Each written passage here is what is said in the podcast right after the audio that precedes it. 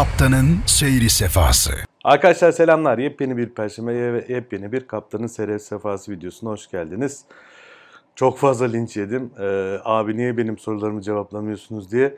Soruları çekmeye hala de- devam ediyorum. Hatta evde devam edecektim ama uzun bir yatıya geldim. Uzun bir yatıya gelince de kamerayı falan toparladım. Yanıma aldım. Almantı'da devam ediyorum çekmeye. Yaklaşık yarısındayım. Ee, geri kalan yarısında çekip işte 2-3 günde bir sizlerle paylaşmayı ümit ediyorum. Işık yeterli değil biliyorum. Ee, o yüzden kusura bakmayın. Ee, işte yatı imkanları bu kadar olabiliyor. Ama yine kalan sorulara cevap vereceğim. Öncelikle bugün 20 Mayıs yani dün 19 Mayıs'ta 19 Mayıs Atatürk'ü anma ve genç, gençlik ve spor bayramımızı e, Ural Altay Dağları'nın yamacından Orta Asya'dan kutluyorum. E, Cumhuriyetimizi kuran, Cumhuriyetimize emek veren, canını, kanını veren tüm şehitlerimize tekrar böyle vesileyle kutluyoruz. Başta tabii ki Mustafa Kemal Atatürk liderimiz olmak üzere. Gelelim sorulara. Şimdi 4 tane hatta 5 farklı kategoride yapmıştım. Bunu anlatmayı unutmuşum geçen videoda. ilk videoda. İlki benle ilgiliydi. İkincisi ben ve havacılık olarak belirledim. Üçüncüsünü havacılık, dördüncüsü pilot olmayla alakalı. Beşincisi de böyle potpourri gibi ayarlamıştım. Yani potpourri tam böyle hiçbir kategoriye sokamadım soruları en son cevap vereceğim diye. Ee, Ben ve havacılık kısmının son iki sorusuydu. Ee, zor bir soruyla başlayalım demiş ama tabii işte üçüncü videodayız. Uçuşta FO'lar ne, ne yaparsa sizi sinirlendirir diyor. Ya açıkçası ne yaparsa sinirlendirir. Hani aslında hepimiz ilk kez uçmaya başladık. Hepimiz o aşamalardan geçtiğimiz için çok böyle hani bilmeden yapılan hatalar çok fazla beni şey yapmıyor, rahatsız etmiyor ama böyle işte saygısızlık falan onlar biraz e, rahatsız edici şeyler. O tür konular önemli. İlk hava yoluna başladığınızda anne babanızın duygularını anlatır mısınız? Yani mutlulardı. Sonuçta ben çok istiyordum. Ya ben işte yine aynı cümleyi kuracağım. Bilenler bilir. İşte babam da hava yollarında kaptandı. Böyle boş günlerimde işte tatillerde falan hep onunla yatılara giderdim. Uçaklarda uçmayı çok severdim falan. Hani benim çocukluk hayalim olduğu için hani çocukluk hayalimi gerçekleştirebildiğimi görmek onlar için mutluluk verdi diye düşünüyorum. Evet, şimdi e, üçüncü kategori olan havacılığa geçiyorum. E, arkanızdaki düğmeler gerçek mi demiş. Onlar düğme sigorta. Tabii bu soruyu soran da e, aslında Pegasus'tan beraber eğitim aldığımız bir arkadaşım. Biraz geyik olsun diye sormuş. Buradan kendisine selamlar söylüyorum. Haftada ortalamada kaç gün yatıda geçiyor? Yani bizim 6-7 gün genellikle yatıda geçiyor. Bazen biraz daha fazla, bazen biraz daha uçuşlara bağlı. Mesela ben şu anda e, 72 saat yani tam 3 gün buradayım. Ayın başında da buradaydım. O zaman da 48 saat. Yani ayın bu ayın Mayıs ayının 5 günü yani 120 saati Almata'da geçti. Geçecek daha doğrusu. E, pilotlar ne kadar alır? Bu maaş konusu çok geliyor ama maaş konusunda e, hem söyleşilerde hem de sosyal medyalarda bilgi vermemiş şirket tarafından hesap o yüzden geçiyorum onu. Zaten erkeğin maaşı kadının yaşı sorulmazmış arkadaşlar. İstanbul'un hava şartları Atatürk'ten daha mı kötü? Yani belki biraz daha rüzgarlı olabilir ama yani çok böyle hani istatistiksel olarak elimde bir veri yok. Ee, ama şu ana kadar uçuşu etkileyecek bir gün oldu işte. O tür durumlar zaman zaman böyle bahar aylarında özellikle hava değişimlerinde yaşanabiliyor. Atatürk'te de yaşanmıştı. Burada da yaşanabiliyor zaman zaman. Ama şu ana kadar çok büyük bir fark yok. Taksi sürenin uzun olması büyüklük, büyüklüğe normal mi, proje mi hatalı? Aslında proje daha bitmediği için hatalı mı değil mi bilemiyoruz. Taksi süreleri uzun ama şöyle bir durum var. Taksi sürelerinin uzun olması e, ya herkes buna takmış durumda. Taksi süresi uzun, taksi süresi ya taksi süresi uzun olabilir. Atatürk'te kısaydık, mes kısa mesafeydi. Taksi süreleri uzundu. Neden? Çünkü inenle kalkanın böyle kesiştiği birçok nokta vardı ve birisi bir, e, atıyorum mesela kalkan trafik durduğu anda inen trafikte e, kalkan trafiği geçemiyordu. İnen trafiklerle ilgili bir sıkıntı olunca kalkan trafikler onları geçemiyordu gibi gibi bir sürü E, Yani birbirini kesen durum vardı. Belki o yüzden Atatürk'ten örnek alınarak yapılmış bir havaalanı olabilir. Şu anda inen kalk, inen trafiklerle kalkan trafikler taksi zamanında hiçbir şekilde birbirlerini kesmiyorlar. Bir iki tane nokta olabilir belki. O yüzden de ne oluyor? Siz taksiye başladıktan sonra e, hiç uçak tamamen durmadan sürekli taksi yapıyorsunuz. Bu da bence çok daha e, önemli bir şey. Çünkü duran uçağı tekrar harekete geçirmek gerçekten fazla yakıt harcatıyor. Bunu da sürekli standart bir şekilde taksi süretiyle sabit bir şekilde taksi yapıyorsunuz.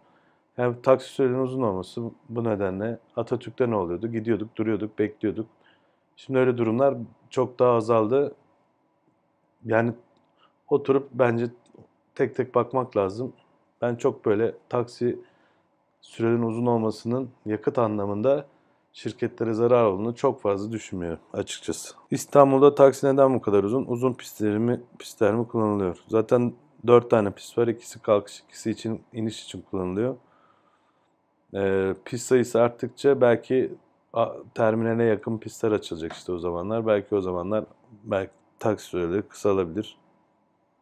Yine dediğim gibi taksi süresinin uzun olması, kısa olması hiçbir şey değiştirmiyor aslında arkadaşlar. Yani Atatürk'te ben 45 dakika beklediğimizi bilirim. Ve 45 dakika bekliyorsunuz önünüzdeki uçak bir uçak boyu gidiyor siz duruyorsunuz hareket ediyorsunuz gazı açıyorsunuz işte bir uçak boyu gidiyorsunuz duruyorsunuz fren yapıyorsunuz. Sonra bir daha bir daha bir daha şimdiki uç, pist kalkış oldu. Ee, batıya gidenler batı pistinden doğuya gidenler doğu pistinden kullanılıyor trafik saatlerinde. Bence bu da işte trafiğin akması için büyük bir avantaj. Ee, Atatürk'teyken tek taksi yoluyla e, tek piste giriyorduk. Bence yani yakıt masrafı veya şey olarak zaman olarak bile bence Atatürk'te zaman zaman daha uzun taksi, taksi süreleri yapıyorduk. Hani mesafe olarak gitmiyorduk. Belki mesafe olarak daha uzun gidiyoruz tabii ki bunda ama süre olarak bence Atatürk'te zaman zaman daha uzun taksiler yapıyorduk. Hele ki o işte güneyli pist olup e, Yeşilköy'e doğru kalktığımızda böyle denize doğru Halkalı tarafına değil o zamanlar bir saat falan buluyordu bazen. İstanbul Havalimanı'ndan memnunsun. Ya hani böyle sürekli övüyormuşum gibi gelmesin. İstanbul Havalimanı'ndan evet, şimdi ben Ataköy'de oturuyorum. Ataköy'den Yeşilköy'deki havaalanına gitmem 7 dakika sürüyordu Atatürk Havalimanı'na. Ama şimdi öbür havalimanı e- 45-50 kilometre falan mesafede. O açıdan kişisel olarak yani benim yolda geçen zamanım bir hali arttı. Ona yapacak bir şey yok. Taşınmayı da düşünmüyorum ama operasyonel olarak bakarsanız yani daha önceki videolarda da bahsettim. Farklı alternatifler olabilir miydi? Olabilirdi. Çözülü, çözüm başka bir şekilde bulunabilir miydi? Bulunabilirdi ama gerçekten artık Atatürk Havalimanı Türk Havalimanı'nın büyümesine yetmediği için farklı çözümlere gidildi. Şu anda memnun muyum? Evet memnunum. Ama işte kışın hava kötü mü olur, rüzgar mı, kar mı yağar onları bilemiyoruz. Onları hepimiz göreceğiz. Ama şu andaki operasyon şartları, operasyonla alakalı şeylerde şimdilik bir sıkıntı yaşamıyoruz. Bence güzel. Tek cevap İstanbul Havalimanı iyi mi kötü mü? Bence iyi. Yani iyi evet. Atatürk Havalimanı'na göre işte dediğim gibi mesafesi yakında, şehir merkeziydi. Şimdi buranın büyüme imkanı var. Eksikleri tabii ki var ama sonuçta biliyorsunuz hani bazı şeylerde operasyonlar başladıkça işte işler yürüdükçe çözülebilecek şeyler. Onları da hızlı bir şekilde çözeceklerini düşünüyoruz. Ayda kaç gün çalışıyorsunuz ve kaç uçuş? uçuş? Yani şöyle bizim minimum 800 gün evde olmamız lazım bir ayda. Yani işte 22 ya da 23 gün evdeyiz. Pardon uçuyoruz. 8 gün evdeyiz. Ama tabii işte atıyorum gece uçuşuna gidiyorsanız o gün akşama kadar sizin uçuştan geldikten sonra da geri kalan kısmı sizin. Mesela ben şimdi Almanya'dayım. Ee, çarşamba günü ineceğim İstanbul'a. Öğlen 12-1 gibi in- iniyorum. Birden sonrası yine benim.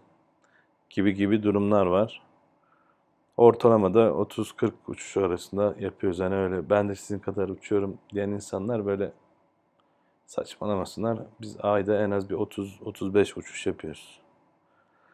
Yılda kaç saat uçuyorsunuz? Eskiden 1000 saati 900'e düştü. İşte bizler de 800-850 saat civarlarında uçuyoruz. Türbülans olunca çok korkuyorum. Ne yapmalıyım? Ya türbülansla ilgili bir tane YouTube'da videom var. Türbülans anlatmaya çalıştım. Onu izleyebilirsin. Ee, uçak korkunu gerçekten yenemiyorsan da Türk Hava Akademisi'nin uçuş korkusunu yenme programı var. Ee, oraya gidip orada hem e, psikologlar, işte tek, teknik anlamda yet, yetkin kişiler, sadece hani teknisyenler değil, pilotlar falan da geliyor diye biliyorum. Bir sürü konuda yetkin kişiler size bu konuyla ilgili bilgiler veriyor. Eğitim böyle eğitim falan alıyorsunuz. Ertesi günde uçağa binip e, işte o gün eğitime katılan her, hep beraber bir yere gidiyorsunuz şehre, şehri geziyorsunuz, yemek falan yiyip geri dönüyorsunuz. Çok güzel bir hafta sonu etkinliği bile olarak düşünebilirsiniz. Dünya genelinde inişi en zor ve tehlikeli havaalanı hangisi? Belki başka havalimanı vardır. Ben geçenlerde bununla ilgili tweet atmıştım. Onu buldum şimdi. Himalaya dağlarının eteklerinde Paro Havalimanı'ymış. Deniz seviyesinden yaklaşık 2200 metre yükseklikte ve etrafında 18.000 fit, 5400 metreye varan dağlarla çevrili bir şeymiş.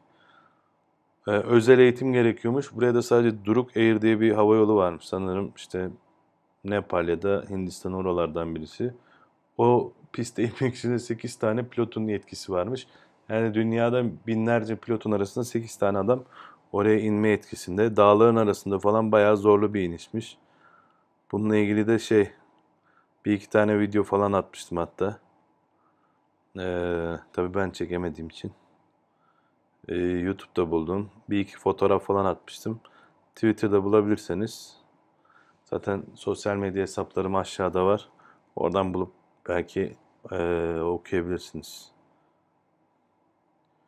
Sefere gidince yatı olup olmadığını neye bağlı? Mesafeye de uçuş. Mesafeye de bağlı. Bazen ama İzmir'e gidiyorsunuz. İstanbul'dan kalkıp tek uçuş yapıyorsunuz o gün. İzmir'e gidip yatıyorsunuz. Bu aslında e, şirketin yani ekip planlama diye bir departmanı var şirkette. Bunlar e, ihtiyaca göre planlama yapıyor. Yani atıyorum mesela İzmir'den gece bir uçuş yapılacak ya da sabah erken saatlerinde bir uçuş yapılacak. Bunun için bir ekibe ihtiyaç var. O zaman ekip planlamada oraya e, bir gün önceden e, ekip gönderiyor yatıya gitmesi için. O, o tür şeyler planlanıyor. Ya da işte mesela sabah bir ekip atıyorum mesela bir ekip İzmir git gel İzmir git gel yaptı. Veya daha doğrusu İzmir git gel İzmir gitti orada yatması gerekiyor. Ertesi gün oradan uçmaya devam etmesi için. E tabi uçak İzmir'de kalmayacak. O uçağı İstanbul'a getirmesi için öğlen sefer öğlen saatlerinde uçması gereken ekipler oluyor falan böyle bir sürü şeyleri var. Ee, onları tamamıyla e, ekip planlama. Tabi bunları oturup da birileri elle yazmıyor. Çünkü düşünsenize bin tane seferi var Türk Hava Bini geçti de hatta. Ee, ayda yapar 30 bin sefer. Bunları tabi birileri oturup böyle kağıt kalemle yapmıyor. Bilgisayar programları var. Bilgisayar programları bunları en efektif şekilde planlıyor.